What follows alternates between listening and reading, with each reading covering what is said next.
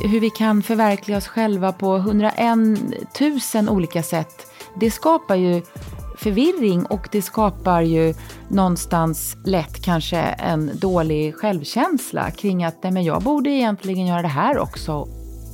If everybody's chasing perfection, then even though it's unhealthy, and even though chasing perfection ourselves will make us no more likely to succeed or be happy, we feel compelled to do it. When I grew up in the 60s and 70s, there were no fancy clothes for eight year olds. Now fashion starts at four, you know. It's much earlier everything.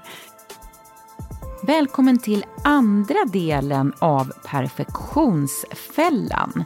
Veckans avsnitt där vi undersöker det här med att allting ska vara så perfekt och vad det kan göra med oss och om det verkligen alltid är det smartaste sättet att leva på. Det här är Hälsorevolutionen och jag är Karina Lundstedt poddens producent, författare och förläggare. Och i förra delen, del 1, i uppsnacket så undersökte vi hur kraven på perfektion ser ut i våra liv, Marias och mitt liv. Och eh, nu kommer jag lämna över till Maria för nu har vi fått besök av veckans gäst, författaren och forskaren Thomas Curran. Ja, hej, jag heter Maria Borelius, är vetenskapsjournalist och biolog och idag har vi alltså Thomas Curran här med oss. Thomas, welcome! Thank you for having me. Well, you are a psychologist and associate professor in the Department of Psychology and Behavioral Sciences at London School of Economics. And you have written The Perfection Trap in English, Perfektionsfällan, att omfamna kraften i lagom bra. What is the perfection trap?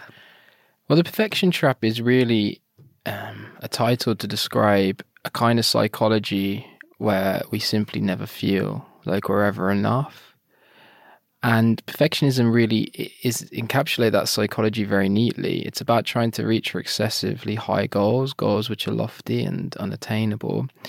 And in the process of trying to reach those goals, we exhaust ourselves and feel a lot of distress and dissatisfaction because we never quite get there. It's like chasing the horizon. You know, the mm. closer we, the closer we get, the further it moves from our reach, and that's mm. the trap of of perfectionism. It's really about unattainable standards that uh, simply don't allow us to feel content. Mm. We have uh, in this program started something. So we start off the programs by just from the gut three words to describe what you how you feel today. How are you today?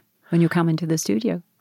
Today I'm feeling happy. Um, I'm feeling very refreshed. I got a very good night's sleep the last couple of nights. I have a young child at home and not getting much sleep. So refreshed. So coming to Sweden is like a holiday for you. It is a little bit, yeah. I, I, obviously, I, I miss uh, my partner and my child very, very much, but I do feel refreshed uh, mm. having mm. slept a mm. couple of nights, yeah, yeah. and just excited to get the mm. word out about this book. I'm, mm. I'm speaking to a lot of people, and it's clear that the book's message is landing really well in in Sweden with uh, the people and journalists I'm talking to. So I'm I'm just really excited to get to get this message over here in Sweden. Okay. Great. So I have my three words, uh, I think right now are a little bit tired. It's the end of the week. I've worked very hard. I am content on a deep level because I get to work with stuff I love, like meeting you, talk about things that I find are important. Uh, and my third word today is a uh, little busy. I have a lot on the plate today. So those are my three words. It's good. Yeah. We know a little awesome. bit about where we come into the room today. Yes. Yeah. Yes. Right? Mm. Yes. Okay. Um, I get a feeling when I've read your very thoughtful, beautiful, personal, smart book that you are writing this book to your younger self. What do you say to that? I would say that there's a lot of truth in that statement. I certainly have struggled with perfectionism myself. It's the reason I do this research. And when I was asked to write the book, there was two ways I could have gone. I could have gone down the more traditional route whereby I would list the studies one by one, talk about what they mean and their implications, and then maybe make a few conclusions about what the overall state of play in the literature is. Or I, I could go back to the reason I actually did this work in the mm-hmm. first place mm-hmm. and really introspect on the feelings and behaviors and thought process that that were at the root of my own perfectionism and at the root of many people's perfectionism. Mm. Mm. And and so I chose that route because I thought you know the only way that I could write a book that I think connected with people is to write a book that connected with me. Mm. And uh, and so that's why I center myself, but not just myself, other people in my environment my own stories, my own experiences, and the things that I saw all around me, mm. uh, to try to capture perfectionism in its most, I suppose, intimate sense in in a in a way that you can't really get across if you just look at the data. Mm. because i think you know perfectionism is really about feelings. Mm. it's really about um, love at uh, the root of it you know the sense that we we're searching for something we can never find in ourselves. And and that a lot of that is you mean very love in the sense of external validation? External validation other people loving us yeah. Yeah, mm. yeah and it's really difficult to communicate that through numbers but you can communicate that through words and you can mm. communicate that through experiences. Mm. And so that was really the reason why I centered myself on my own experiences in the book and, and tried to explain perfectionism through that lens. Mm. You talk beautifully about your background in a smaller British town. Uh, your grandfather, who was a carpenter. Yes. And who worked very lovingly uh, with his woodworks. So tell us about your background. Yes, so you you are now at one of the most prestigious universities in Europe, but that wasn't a given, given your background. No, no, it wasn't a given, and I never envisaged in a million years that I would be sitting here talking to mm. you, a professor at LSE, writing a book. I mean, all these things are very surreal. Um, I grew up in a small working class town. It, actually, our biggest industry was um, alongside construction um, uh, shoes. So Doc Martens is a big factory. Doc Martens. Yes, where where I grew up. It was the next village over. Unfortunately, they outsourced their manufacturing. I'm, I'm, immediately looking at your shoes, and you have kind of you have gone to the dark side. You're Adidas today. Do you know what? I, I have I have a couple of pairs of uh, Doc Martens, and they would have been suitable in the sort of weather. But the yeah. problem is when you're traveling, they're so big. they are very big. So you're you're traveling with a couple of very neat Adidas sneakers. I am, yeah. yes, today. I've tried to travel quite light. But that was our industry. And, um, uh, but, you know, manufacturing's outsourced in the sort of 80s and 90s, and uh, towns like mine were left behind, sadly. Um, so it wasn't the most. Um, affluent of upbringings. We didn't have a great deal, uh, but there was a lot of love and and um, and a lot of appreciation for working with the hands. And that was something that captivated me as a as a young child, watching my father and my grandfather uh, working, just making stuff. Particularly my grandfather. My grandfather was a master craftsman in the area, and he wasn't a very good businessman, unfortunately, but was an exceptionally good craftsman. And uh, he'd just make tables, chairs, window frames, uh, bar stools, uh, all sorts of everyday things, you know, just for other people to use. And what's really heartwarming is when you go to the pubs around the, the local areas, some of his woodwork is still there. Like wow, in, it's stood the test of time. Yes, yeah, yeah, and and that's you know, we, sometimes myself and my dad and my brother and my mum will go there and just kind of appreciate this, there's part of him that's still there. Something mm. quite something quite nice about that but yeah, it, it, it was full of difficult experiences too, you know, because uh, those sorts of industries were on the decline. It wasn't easy all the time for my grandfather and my father to get work. There was struggle as well. Yeah, there was struggle. Um, so that was so my upbringing was very uh, simple in those in those terms, but but um, surrounded by a lot of creativity and love. Mm, mm.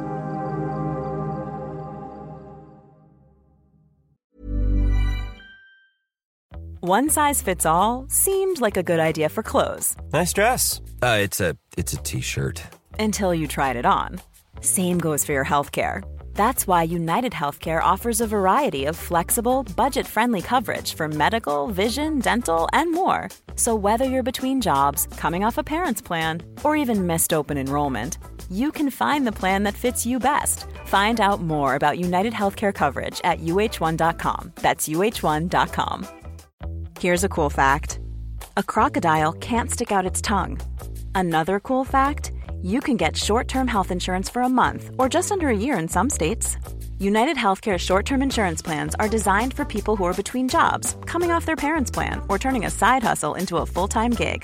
Underwritten by Golden Rule Insurance Company, they offer flexible, budget friendly coverage with access to a nationwide network of doctors and hospitals. Get more cool facts about United Healthcare short term plans at uh1.com.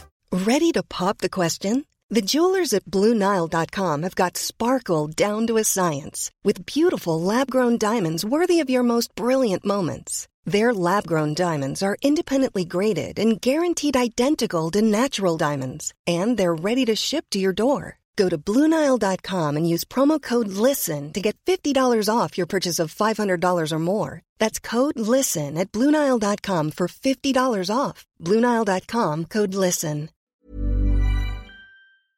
Carina and I talked before about the internal. I, I told her it's almost like a German World War II officer standing inside me telling me what to do, which is terrible, really. Yeah. But but your internal perfectionist, what does that look like? A what lot of- persona does this person have? Well, a lot of shame. I, I think It's shame. yeah. growing up Mm. uh, with with less than other people. The thing is, you're only you're only it's stupid stuff, right? Like Mm.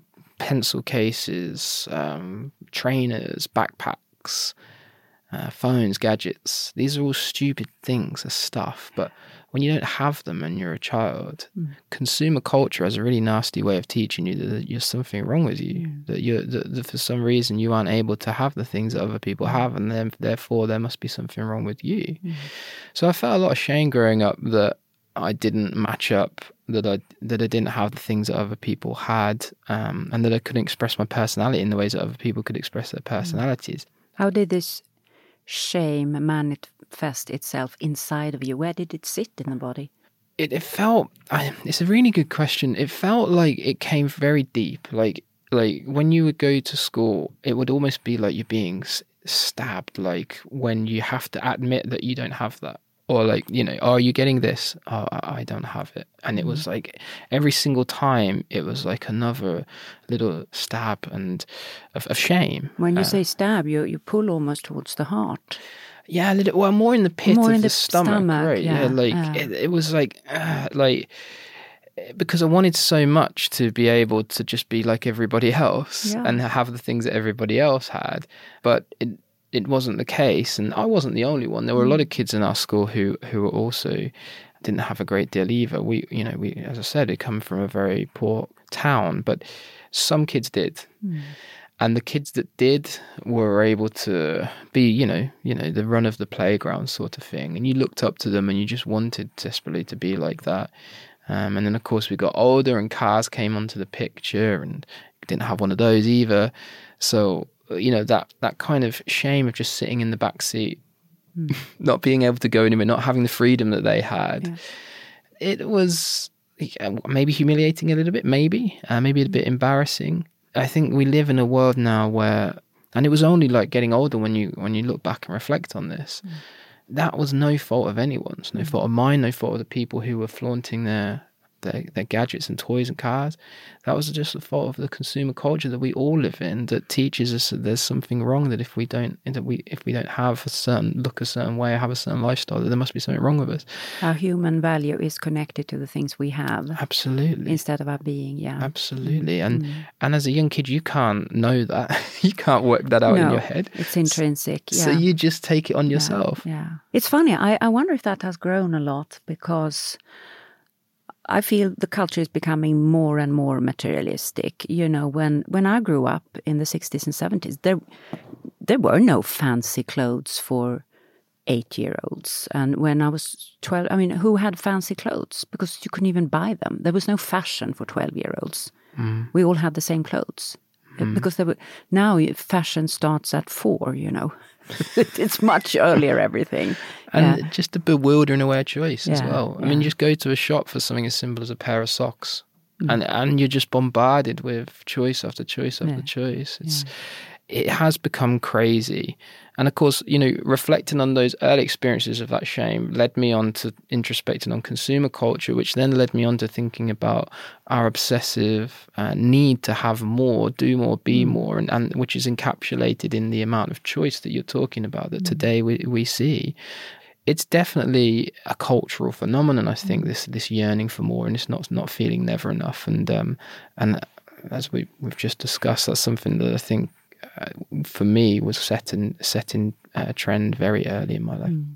But you, on a personal level, use that or the feeling of shame in your stomach is transformed into a need to perform and wanting to, you know, you have built a fantastic academic career for you, who uh, I guess a lot of other psychologists would would think is the result of very very hard work, which I guess it is, such as writing this book. So how did you start using perfectionism as a way of softening the feelings of shame? Well, perfectionism is really, if you want to get at the nub of it, an escape from ourselves.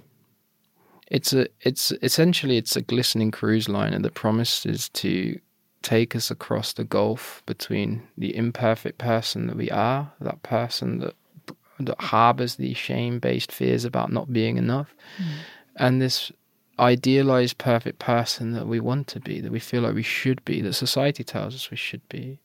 That's what perfectionism really is at its at its at its root. And that's how I use perfectionism to try to overcome those early feelings of not being enough. As soon as I uh, realized that I could take up a place at university, it was clear then that I had an opportunity to to elevate myself, lift myself above other people, and I took that very seriously. um, worked extremely hard, got myself a Why do you laugh? Feel do you feel ashamed about think, having those thoughts or because when I when I look back, that I can see quite clearly the moment that perfectionism took over. I can see it. Just just you know, it it's almost like a spark that sets off that this is now because you know it's also about opportunity. Yeah, You have one of the things I'm often asked, but isn't the perfectionism important to where you are today? And I'd say yes, of course it is. But the, the thing is, it's like uh, Gladwell writes in his book Outliers. There's so many other factors in, in to, to success. And I was also extremely lucky. Yes, I was a perfectionist, but I was very lucky. I came through in a time when our government, we had a, um, a Labour government time led by Tony Blair, was funding people like me to go to university. If I'd been born a year later, the Conservatives came in, austerity was enacted, they cut the funding, I wouldn't have gone. Uh, You know, these are moments in time where you think you're so fortunate to have got over the line at a certain time. But it was that opportunity that I was given that then set off in train this this spark. And the reason why I laugh is because I can see very clearly that you know there, there's an opportunity. I, left, I I was able to go to university, and now suddenly I thought, well, I've got to seize this opportunity. Hmm. Like I can lift myself out now. Hmm. And what I didn't realize is quite how tough that journey was going to be, hmm. and quite how much perfectionism I'd need to use. It's true for, I guess, all your colleagues at London School of Economics and everywhere else where you have a very, very high performing people. They probably have an internal little German officer or, sorry, Germany, uh, similar uh, Yes. in themselves. Yeah. yeah. Yes. You start off by, in your book, talking about the dream of physical perfection. And I think in that sense, we can all see what's happening right now with Instagram, you know, where influencers uh, have to take 197 pictures to pick out one that is good enough. So most of the things we see there is just augmented reality. It's not reality. It's it's something else that wants to look like reality. And you talk about a woman with a mole, very beautiful woman with a mole, Yeah. and the mole becomes the whole thing. Yeah, um, the birthmark. It's Yeah. a very famous story, horror story. Interestingly, you know, back in Jacksonian America, perfection and perfectionism was the stuff of Gothic horror. You know, this idea that we would shoot for perfection in our lives and lifestyles was something that you know the sting in the tail of these books was, or these short stories, was that you know perfection ultimately drains life from us. And the two characters in the, in the short stories that I um that I feature in the start of the book but in particular this first character who is a young, beautiful lady with whose uh, beauty was marred by a birthmark. The story is essentially that her and her husband tried to correct this birthmark at all costs, and they managed to concoct um, a, a compound of chemicals that she took that removed the birthmark, but it also killed her. Hmm. and the lesson there was that you know this is completely an absurd way to live, and that ultimately it takes away what's joyous about us and hmm. lives, which is our imperfections. Hmm.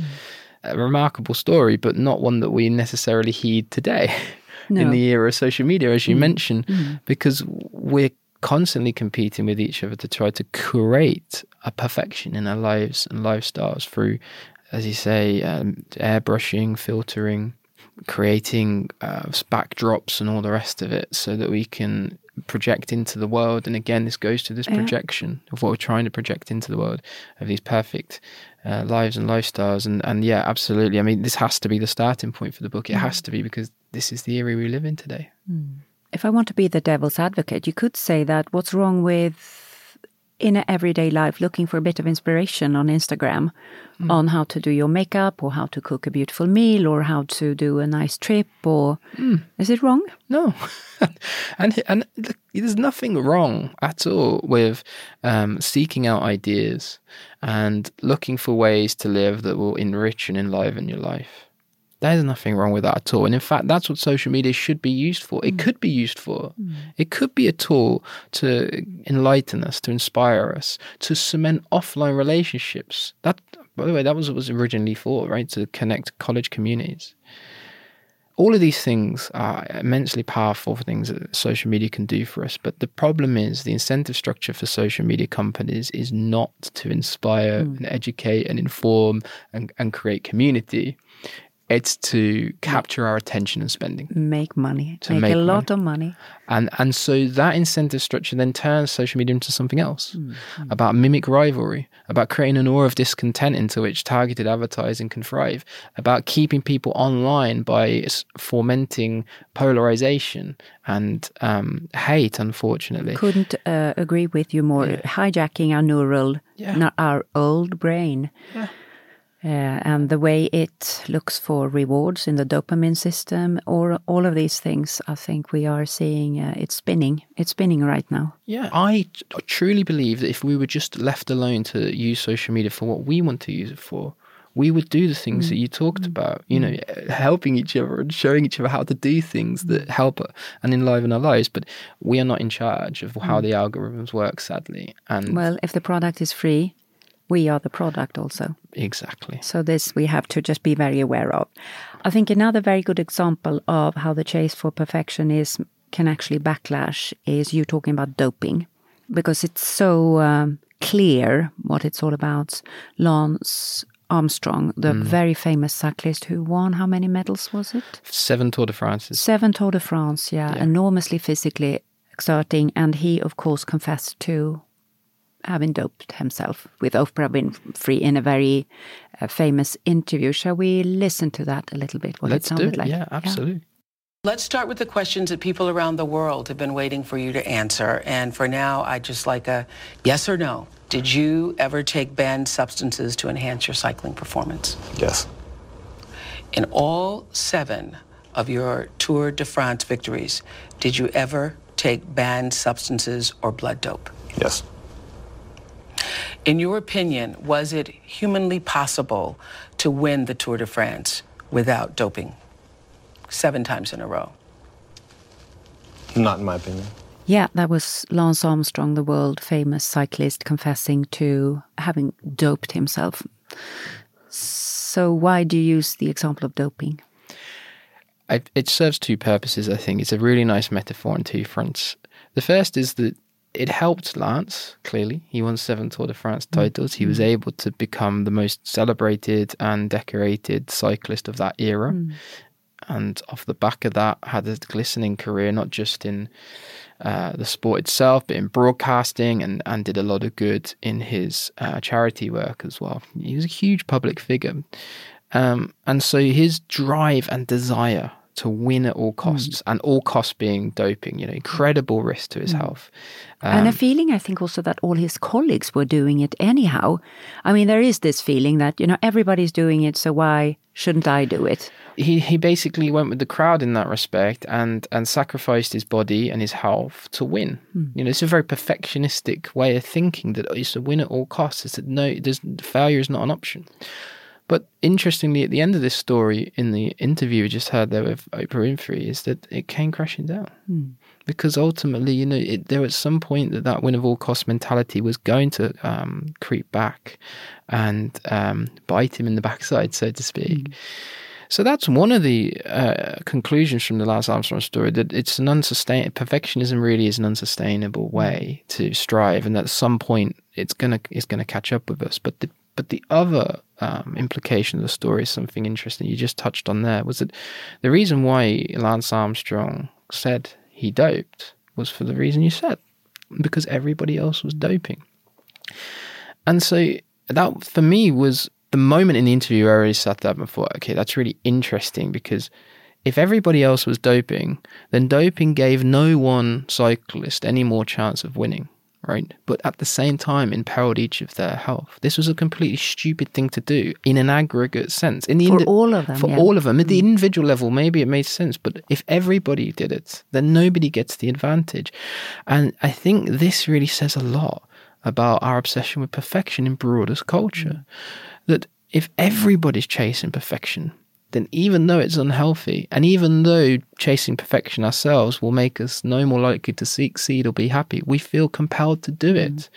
And so, uh, Lance's story is, is interesting in two in two respects, in terms of how this will always come back and, and hurt us ultimately, but because of the cultures and because of the systems and because everybody else is chasing that uh, golden ticket to success, and if everybody's chasing perfection, nobody wins. Yeah.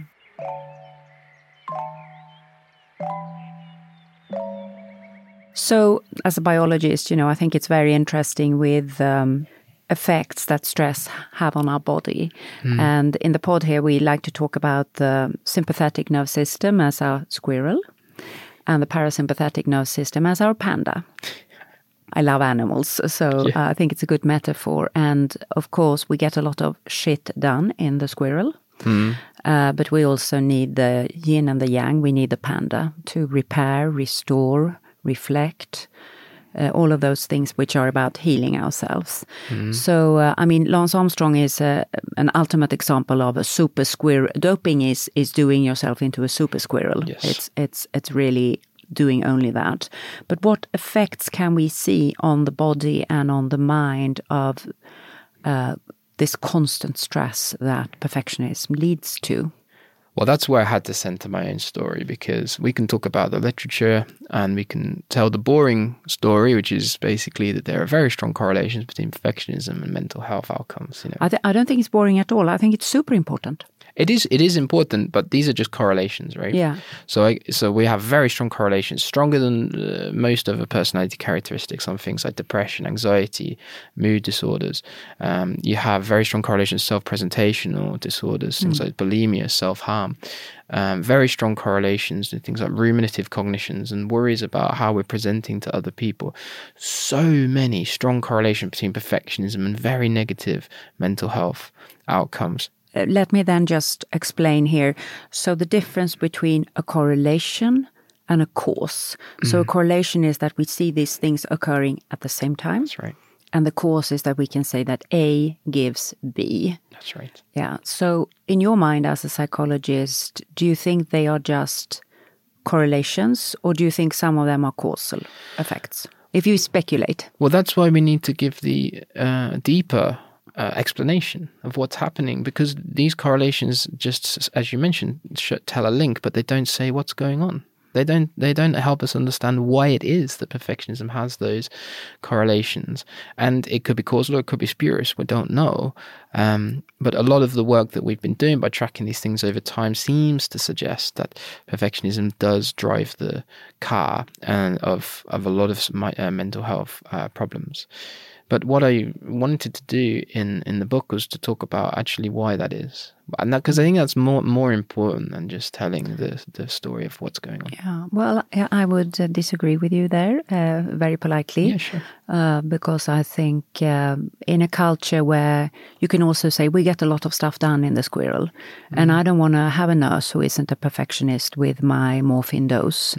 Uh, I want to go to a dentist Sure. who is a super perfectionist Yeah. when it comes to setting my dental blockage. Yeah. Like I want to be on the millimeter right. It's also important to explain what it does to the wider health issues. Definitely. Yeah, yeah. Well, so I think one of the things we have to recognize is that perfectionism is very different to conscientiousness, to diligence, to meticulousness. I absolutely want my dentist who's doing a very important piece of surgery on a very sensitive area of my body Yeah. to, to be meticulous. Yeah. I want them to be diligent and I want them to be conscientious. But I'm not sure I want them to be perfectionistic. And the reason is because perfectionists really struggle under situations of stress and challenge. They find it very difficult to get past the worry about what's going wrong and focus on how to put things right in that moment. I'll give you an example. When perfectionists come under uh, stressful situations, we do this in the lab a lot. Uh, we um, give them situa- tasks, public speaking, um, cognitive tasks like puzzles, or give them an athletic task. And we tell them that they didn't make it, they failed, or something went wrong. Every single time, the perfectionistic people will respond with intense amounts of self conscious emotions. They feel a lot of shame, as we mentioned, a lot of guilt, a lot of embarrassment, a lot of worry. And their reaction is not to work harder to put things right, if we ask them to have another go, for example, but is instead to do the complete opposite and to withdraw themselves from the situation. The stress is too intense that they're going to. They block themselves. they block The themselves. perfectionism blocks performance. Is that your thinking? Yes, Yeah. they Mm. completely uh, self sabotage because the imperative is to avoid failure, not to approach success. So, so when I am having this surgery, I want somebody who can respond to stressful situations adaptively, who can think very clearly about the checklist, who can understand that there are many good enough ways to get ourselves out of this situation, but no perfect way, and the and the challenge is to decide which is the most optimal, uh, good enough way. And so, yes, I think there are qualities of perfectionistic people that are certainly very positive. But if you put them in challenging situations, that equation changes. And so that is why I wouldn't necessarily want a perfectionistic person. Okay, I think it's a very good distinction you make. Yeah, yeah. And yeah. also, I'm thinking when you are saying this, correct me if I'm wrong, but I'm thinking if you have in a team, we do a lot of things in teams in our society. You have one person who is the perfectionist there. That strive for doing no mistakes is going to block everyone else too in the group mm. of even thinking aloud. What if we tried this? What if we, you know, listen to this person instead? Mm. It's going to make everybody afraid of, of just stepping out of the circle, so to say, especially if the perfectionist is the boss. Yes. What do you think about that? Yeah, absolutely. It's a hundred percent, and we see this all the time. We see this all the time in the data. If you create cultures of perfectionism, we call them perfectionistic climates, then that cascades downwards onto uh, members of staff who feel more reluctant to put their hand up, perhaps when they made a mistake, or speak openly about uh, issues or quarrels that are occurring within teams. Now, those things are super important. But then, can I ask you? Yes. We've got a media culture Yeah. with journalists looking at politicians, looking at ca- captains of business, looking at leading academics, pop stars, everyone who is in the public arena, going down very hard on them making any mistake. Hmm. What does that do to innovation, creativity around those people? It's completely terrible. Completely terrible. But you'll notice, particularly in the UK, I don't know what it's like in Sweden, but you'll notice who is permitted to be imperfect and who is not. And it It's depends on political persuasions, where they come from, as to which side of the fence the media will fall. If you are, let's say in the UK, for instance, if you are left wing, if you're a socialist, you are not permitted to make a single mistake, put a single foot wrong, uh, and you will be excommunicated very quickly if you do. If you are on perhaps the conservative side of the equation, which is the dominant side of the political spectrum in the UK right now, then you can make the odd mistake. In fact, uh, we've seen very high profile uh, examples of British politicians, and I'm sure you may have seen the stories in Sweden who have made many, many, many, many mistakes and became prime minister. So I think we have to bear that in mind too. Are we talking about people who don't know how many children they have? Ah, maybe. Possibly. So we have to also be aware that this this is um, a function of a power um, and where power is concentrated. But you, to your broader point, it, it isn't a good thing at all. That what we tend to have today is a very blame culture. We don't do much explaining. We don't try and understand mm. why it was that people made mistakes. What were the factors? What were the incentive structures? Why was it that these things occurred? It's somebody or something has to be to blame. And it doesn't really matter about what went on behind that. And I think that's really problematic because that means that people in the public eye, politicians, will will never accept in interviews that they were wrong. You will never see a politician public. Because you just get punished for it. Because exactly. Rather than uh, um, being a place to start something new or do a U turn or reflect on what you've done and learn from it. Yeah. A hundred percent, and that's and, and that's that's a problem of the media. I think I, I mm. really do. I think if we were a little bit kinder to people who have very difficult jobs mm. and explain the circumstances behind the mistakes, I think mm. I think we would we would be in a way better place. But now, but we have a very defensive ecosystem where politicians cannot accept blame, and that and and I think that leads to more mistakes, not less. Very good.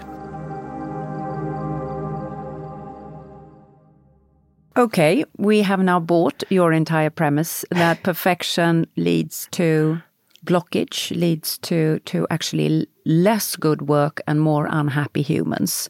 What can we do to resist if we can see this in our lives? And my, I was talking to Carina before, you know, I'm a perfectionist in certain areas, not in others. I have a husband who is a perfectionist in certain areas, not in others. Mm-hmm. It's very easy for me to see the perfectionist in him, more painful to see it in myself, but it's there. So, how do I resist? And this is really common. We will all have areas of our life.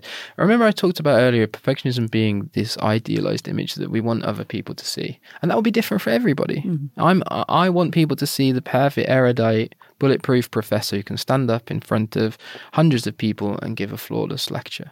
You know, and I want to be across all the detail, and I want to make sure that any question I get, I give uh, a rounded and comprehensive answer to. That's my idealized image of myself. That's Tom, Thomas uh, 2.0. Exactly. and everybody will have their own version Yeah, of that, yeah, right? yeah. And and Where are you not a perfectionist? Uh, I would say that I can let things go a little a little bit easier in leisure activities, like let's say football. You don't have to be, uh, you know, Wayne Rooney. I don't know. No, no. I can I can kick a ball very badly and be okay with that. Yeah. Uh, music as well. You know, I I, I play uh, guitar. I used to play in a band. Haven't played for years because I just thought I wasn't uh, a world champion at it, and my perfectionism just held me back. But now I now I can play um, and feel the joy and connection that comes from mm. that, and and and actually feel the release of the perfectionism in that act. So mm. there are definitely areas in my life where I've I've I've picked up and post my rehabilitation from perfectionism have really just thrown myself into to enjoy, knowing that actually being bad at something is really liberating when it comes mm. to perfectionism. And allowing yourself to be bad is really liberating. or you're using a word which I like, good enough. yes. You, you don't have to be bad. You, you're just in the grey zone. Well, this is this is right. You're absolutely right. When I say I, uh, you're absolutely right. I you start bad, Yeah. but but over time, if you allow yourself to throw yourself into these Yeah. activities, then you become good, Yeah. right? Now you're not going to become perfect, or you're maybe not going to be Dave Grohl. You're not going to stand in front of an arena of thousands of people at Wembley Stadium. That's not going to happen. But it does mean that you get better, and that mastery and that competence and the sense of satisfaction that you feel from improving is so important. Uh, it's the most important thing in terms of our well. I think our well-being is that we have a sense of purpose and we feel like we're making strides. So, you know, going back to your question about what can we do, well, I think that's a very important first step is to throw ourselves into areas of our lives that we perhaps wouldn't because we feel afraid or we feel like people are going to see. Um, and that's not easy. It's, I, I don't, you know, I, I don't have a quick like life hack fix. No, but I think it's it's a very good point. And let me give a practical example. I started bodybuilding when I was 52. I'm 63 now. And a lot of women who need to build muscle at that age, because we lose muscle, That- yeah. uh, are so perfectionist in the gym that they won't even go into the gym because they feel they're not good enough. And you have a lot of very muscular, quite aggressive, uh, hypertrophy young men who are lifting very heavy weights by the mirrors, etc. So we block ourselves. We don't even go in there. But I allowed for myself to be a little bit better than bad and just start and just went. And now, I mean, I'm not Arnold Schwarzenegger, but I do find my way really well around the gym. I'm super self reliant, I know, and I've just allowed myself to kind of climb on the ladder in the grey. Not black, not white, in the grey. Yeah. Is that a good picture A hundred percent. That's such a good example. being a non perfectionist? That is such a good example. Because it gives you time to also improve Yeah. eh, very softly. But that couldn't have been easy at first, right? That might have been. There might have been. First, some, I felt very, and I had a trainer online who sent me programs, and I looked just sternly into my phone yeah. uh, and had big earphones on, and I just shut I because I thought everyone was looking at me because at the perfectionist spots we are kind of in our ego a lot too. Yeah, and I felt ashamed of myself and everything, and then I said, no, I need to be here for my health. Yeah. And I think in a simple way, is it an illustration of what you're talking about? A hundred percent. That is such a powerful illustration. And I think it's really important for people to know that this isn't, you know, you're not going to just waltz into the gym and feel uh, completely comfortable and at home because your perfectionism will always uh, tell you that somebody's watching and uh, they're judging you. But they're all, then you realize everyone is busy with themselves. Exactly. No one is watching. And No in a- one is even interested that you're there. It's all about your own thoughts. And in a world of perfectionism, everyone else is feeling the same yeah, thing. so I think that this gym thing is like a, a very good metaphor Huge. Yeah, it's, for it's a really good metaphor. Yeah, yeah. I, I, I think I think that's such a powerful example, and I mean the example in my own life is, is just picking picking up the guitar again and just just playing because Yeah. you know I used to think I suck, and I thought, well, well, I can't show people that I can't go to open mics and and just do what I love because people are just going to think I'm not very good. Um, and it's just about getting out of your comfort zone. As I say, it's not going to be easy. And you have to be vulnerable, and you have to be willing to be vulnerable, and you have to be willing to go through the anxiety and discomfort that, that putting yourself out into the world is going to create, because it's going to create a lot of it. Mm. But you have to always remember at all times that you're brave enough to put yourself into the world, and so therefore you have to be kind to yourself when you encounter those difficulties, mm. because it's not going to go well all the time. You know, if you're at the gym, you might find that on one occasion you just lifted maybe a little bit too heavy Yeah, weight and yeah. and it didn't go quite as well as you wanted it to, and maybe you need some help or whatever. Da, da, da, da, these things that your perfections would be like, oh my god, you couldn't Mm. show that vulnerability, but actually, you learn a lot um, through that process. That actually it's okay. It's not as catastrophic as you think it is in your head, um, and, And you become an inspiration to other people. that's right. Which is very interesting. At the gym I, I went at the time, I had a gentleman who had had a stroke, who came in anyhow, and he had a very hard time walking. Had a leg that was limp, a hand that was limp, and you everyone could see that he was in his own way working on his grayscale, and he made everybody better in the gym. Mm. We all got inspired from him, mm. not from the best guy, mm. but from him yeah, everyone was looking. I mean, you could see people shining when they were looking at him. yeah, He was like a beacon for all of us. You know, we were thinking if he can come here after this stroke, I can be here and do my best. I learned a lot from that experience. and I think there's something incredibly liberating actually about people showing up. And Brené Brown, Yeah, showing up. Yeah. Brené Brown has yeah, show up. She Yeah. show, show, talks a lot about this. I think mm. she's so right. And actually, one of the most humanizing things is to is to just go out there with all of ourselves and all of our feelings into the world, and people people see that and they recognize that there's something there's a common humanity in those experiences that really brings us closer to other people. Uh, One of the things that really ha- brings me closer to audiences is when I particularly academic audiences, is when I just accept that I made mistakes in papers mm. and data data analysis and, and things in the past where you know you look back and you're like, oh my god, like how could I have been so stupid? At, but actually, these are just part and parcel of developing and growing as an academic. You, you know, you don't do things perfectly all the time, and if you just are vulnerable enough with an audience to say, yeah, well, you know, this this didn't go well or that didn't go well, you can almost see a sea of relief mm. that people can see that it, this person is human, just mm. like me. So it's it, there's there's something very powerful about showing up about about vulnerability, and I think it's it's because there's something common about those experiences that we are we feel so repressed in ourselves. Do you know It's what I the mean? bridge. It's and, the bridge. And yeah. now suddenly somebody's given us permission to mm. release it, and I just think there's something really powerful about that. Mm. finally, this sort of idea that you had really made me think a lot because you're quite skeptical about the idea of constantly growing as human beings. Mm. Not only the economy, which you talked a little bit about, but also asking of ourselves to constantly grow psychologically. And you cite Barack Obama, mm. the former American president, as he asked of some school children, he said to them, Do not let past mistakes define you, but try to learn from them. Why is that the wrong way to approach it, in your opinion? Well, there's nothing wrong with learning from mistakes. I think the first part of that quote is perfectly acceptable and very, very good, noble advice. But it's the second part. Um, you can't let your failures define. You have to let them. You have to let them in some way teach you. You have to let them in some way help you to continue to to move forward. I think this what this teaches us is that there's something deeply shameful actually about mistakes and failures that we can't just let them sit there as part and parcel of our humanity. And we can't just accept that sometimes in life there is nothing to learn. We just screwed up. We just turned, you know, we had a bad night's sleep. You know, our, our kids woke us in the middle of the night and we turned up to work completely exhausted. There's nothing to learn in those situations. And by the way, these are situations that we experience hundreds and hundreds of times. Um, across days, weeks, years. You know, these are just very common humanizing experiences of slipping up and hitting setbacks. Of course, there's an, there's a time for learning and there's a time for development, there's a time for growth. I'm not saying that these things aren't important, but what I am saying is that sometimes it's okay to just fail. Mm. And it's okay to let those experiences into our life and sit next to them, not needing to repress them, not needing to recycle them constantly into growth. How can I use this as a growth opportunity? But to actually just reflect on this is what it means to be a human being. And in, in an imperfect world.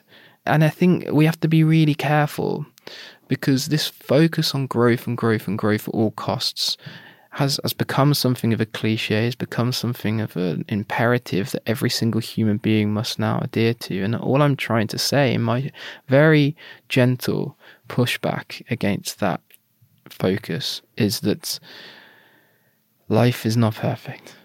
People are not perfect. We are exhaustible human beings. And instead of seeing mistakes, failures, and setbacks as things to always develop and grow from, instead seeing them as things that are part and parcel of our common humanity. And that doesn't mean we can't grow, but that just means being a bit more reflective about what those failures and mistakes mean. Thomas Curran, who has written the beautiful new book Perfektionsfällan, thank you very much. Thank you for having me.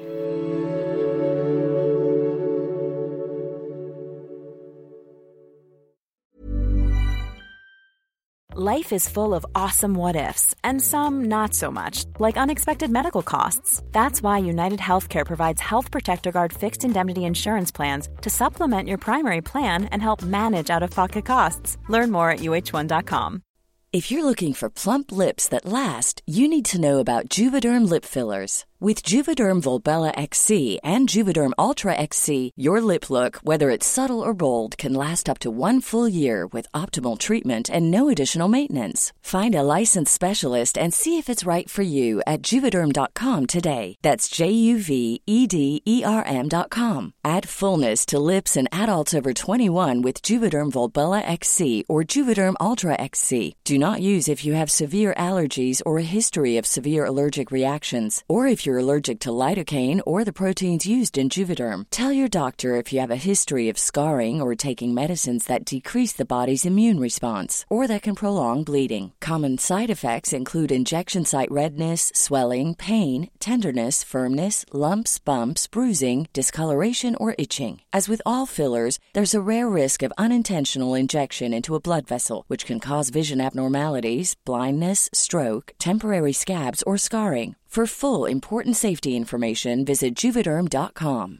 Quality sleep is essential. That's why the Sleep Number Smart Bed is designed for your ever evolving sleep needs. Need a bed that's firmer or softer on either side? Helps you sleep at a comfortable temperature? Sleep Number Smart Beds let you individualize your comfort so you sleep better together. JD Power ranks Sleep Number number 1 in customer satisfaction with mattresses purchased in-store. And now, save 50% on the Sleep Number limited edition Smart Bed for a limited time. For JD Power 2023 award information, visit jdpower.com/awards. Only at a Sleep Number store or sleepnumber.com. Ja, det var Thomas Curran. Det här är väl intressant, Karina? Ja, alltså wow, det här talar till mig eh, till 100 procent. Vi mm. lever ju i ett sånt prestationssamhälle där vi hela tiden kan göra lite till, lite till, lite till. Mm. Någonting. Och det, alltså den mänskliga drivkraften är ju bra i grunden. Att vi vill åstadkomma förändring och mm. göra bra saker för oss själva och för varandra. Men idag med alla oändliga val vi har att Precis. tillgå, alla möjliga vägar och hur vi kan förverkliga oss själva på 101 000 olika sätt. Det skapar ju förvirring och det skapar ju någonstans eh, lätt kanske en dålig självkänsla mm. kring att nej, men jag borde egentligen göra det här också. Och, och, det kan vara allt från vad man har med sig hemifrån till hur man eh, ser att någon granne eh, klipper gräset kanske ännu mer.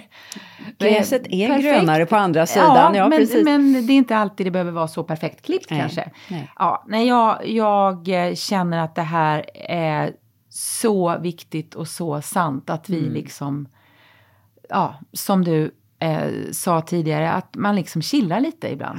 Man chillar lite. Och, och barnen att, säger ju det så himla klokt. Chilla ja, mamma. Ja, ja. Nej, och eh, jag tänker också på det här för att om man ska själv reflektera lite grann kring dig och mig. Vi gör ju en podd som handlar om att lära sig av saker, att växa som människa. Och jag tänker att det är väldigt viktigt för oss också och för du som lyssnar att bara också ibland tänka nej, ibland kanske jag inte orkar lära mig något. Mm. Det, det, är bara I just fucked up eller det blev en dålig situation. Mm. Liksom man behöver inte alltid vara på hugget och framåtlutad utan ibland får man bara låta axlarna sjunka mm. ner och säga ja, ibland är livet jättekonstigt. Jag jobbade på en tidning eh, i början av min eh, journalistkarriär på tidningen Expressen. Och där var man väldigt så då gick man vidare. Eh, det blev ju vissa misstag i denna tidning som ibland uppmärksammades. Och då eh, sa ofta cheferna så här att äh, nu är det en ny dag, nu är det en ny, ny tidning. Och gårdagens tidning var ju noll värd, för den mm. hade ju kanske någon eh, slagit in fisk i, var liksom ett sånt ja, där uttryck. Ja, ja. Så den, ja. Och du är aldrig bättre än din senaste tidning, eller mm. det kan vara din senaste bok, mm. eller din senaste eh, mm. mötesdragning. Mm. Eller, mm. Så att alltså förmågan att gå vidare och inte gräva sig, liksom hålla sig fast i eventuella misstag och analysera, det, det kan ju vara eh, sunt, eller hur? Mycket, mycket bra. Så jag, jag tycker det här och eh, jag tror att eh, den här killen, han sitter ju och har mängder med studenter som är liksom topp, topp, toppbetyg, jätteframåtlutade, gör varje uppgift 57 gånger om och så vidare. Mm. Så eh, det här budskapet kommer ju väldigt rätt i vår tid. Mm. Och det är ju inte bara toppstudenter på LSI, alla försöker vara toppstudenter på allt nu i livet. Ja. Ja. Och, och, människor är rädda för att åldras och mm. cyklar fem mil om dagen och mm. så vidare. Alltså det är liksom mm. över hela linjen. Mm. Så att um, lite av det här bara att chilla. Mm. Luta sig tillbaka. Chillaxa. Det kommer ordna sig Det kommer slut, ordna sig till sätt. slut. Precis. Tack för att du lyssnar på Hälsorevolutionen. Vi är så tacksamma att vi får hänga med dig. Mm. Eh, hör gärna av dig om du vill fråga om någonting, kommentera. Mm. Vad har du för tankar om perfektion? Vi eh, finns på Instagram där vi heter halsrevolutionen podcast Och vi har även en gmail-låda som jag kollar lite för sällan. Jag ber om ursäkt för det och eh, ska snart svara i kapp. Och eh, då är adressen halsrevolutionen podcast at gmail.com.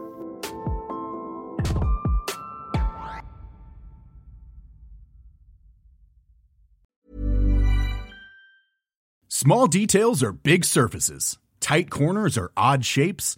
Flat, rounded, textured, or tall. Whatever your next project, there's a spray paint pattern that's just right. Because Rust new Custom Spray 5 in 1 gives you control with five different spray patterns. So you can tackle nooks, crannies, edges, and curves without worrying about drips, runs, uneven coverage, or anything else. Custom Spray 5 in 1 only from Rust-Oleum Hi, I'm Daniel, founder of Pretty Litter. Did you know cats tend to hide symptoms of sickness and pain? I learned this the hard way after losing my cat, Gingy. So I created Pretty Litter, a health monitoring litter that helps detect early signs of illness by changing colors, saving you money and potentially your cat's life. Pretty Litter is veterinarian developed, and it's the easiest way to keep tabs on your fur baby's health right at home. Go to prettylitter.com and use code ACAST for 20% off your first order and a free cat toy. Terms and conditions apply. See site for details. Ever catch yourself eating the same flavorless dinner three days in a row? Dreaming of something better? Well, HelloFresh is your guilt free dream come true, baby. It's me, Gigi Palmer. Let's wake up those taste buds with hot, juicy pecan crusted chicken or garlic butter shrimp scampi. Mm. Hello Fresh. Stop dreaming of all the delicious possibilities and dig in at HelloFresh.com. Let's get this dinner party started.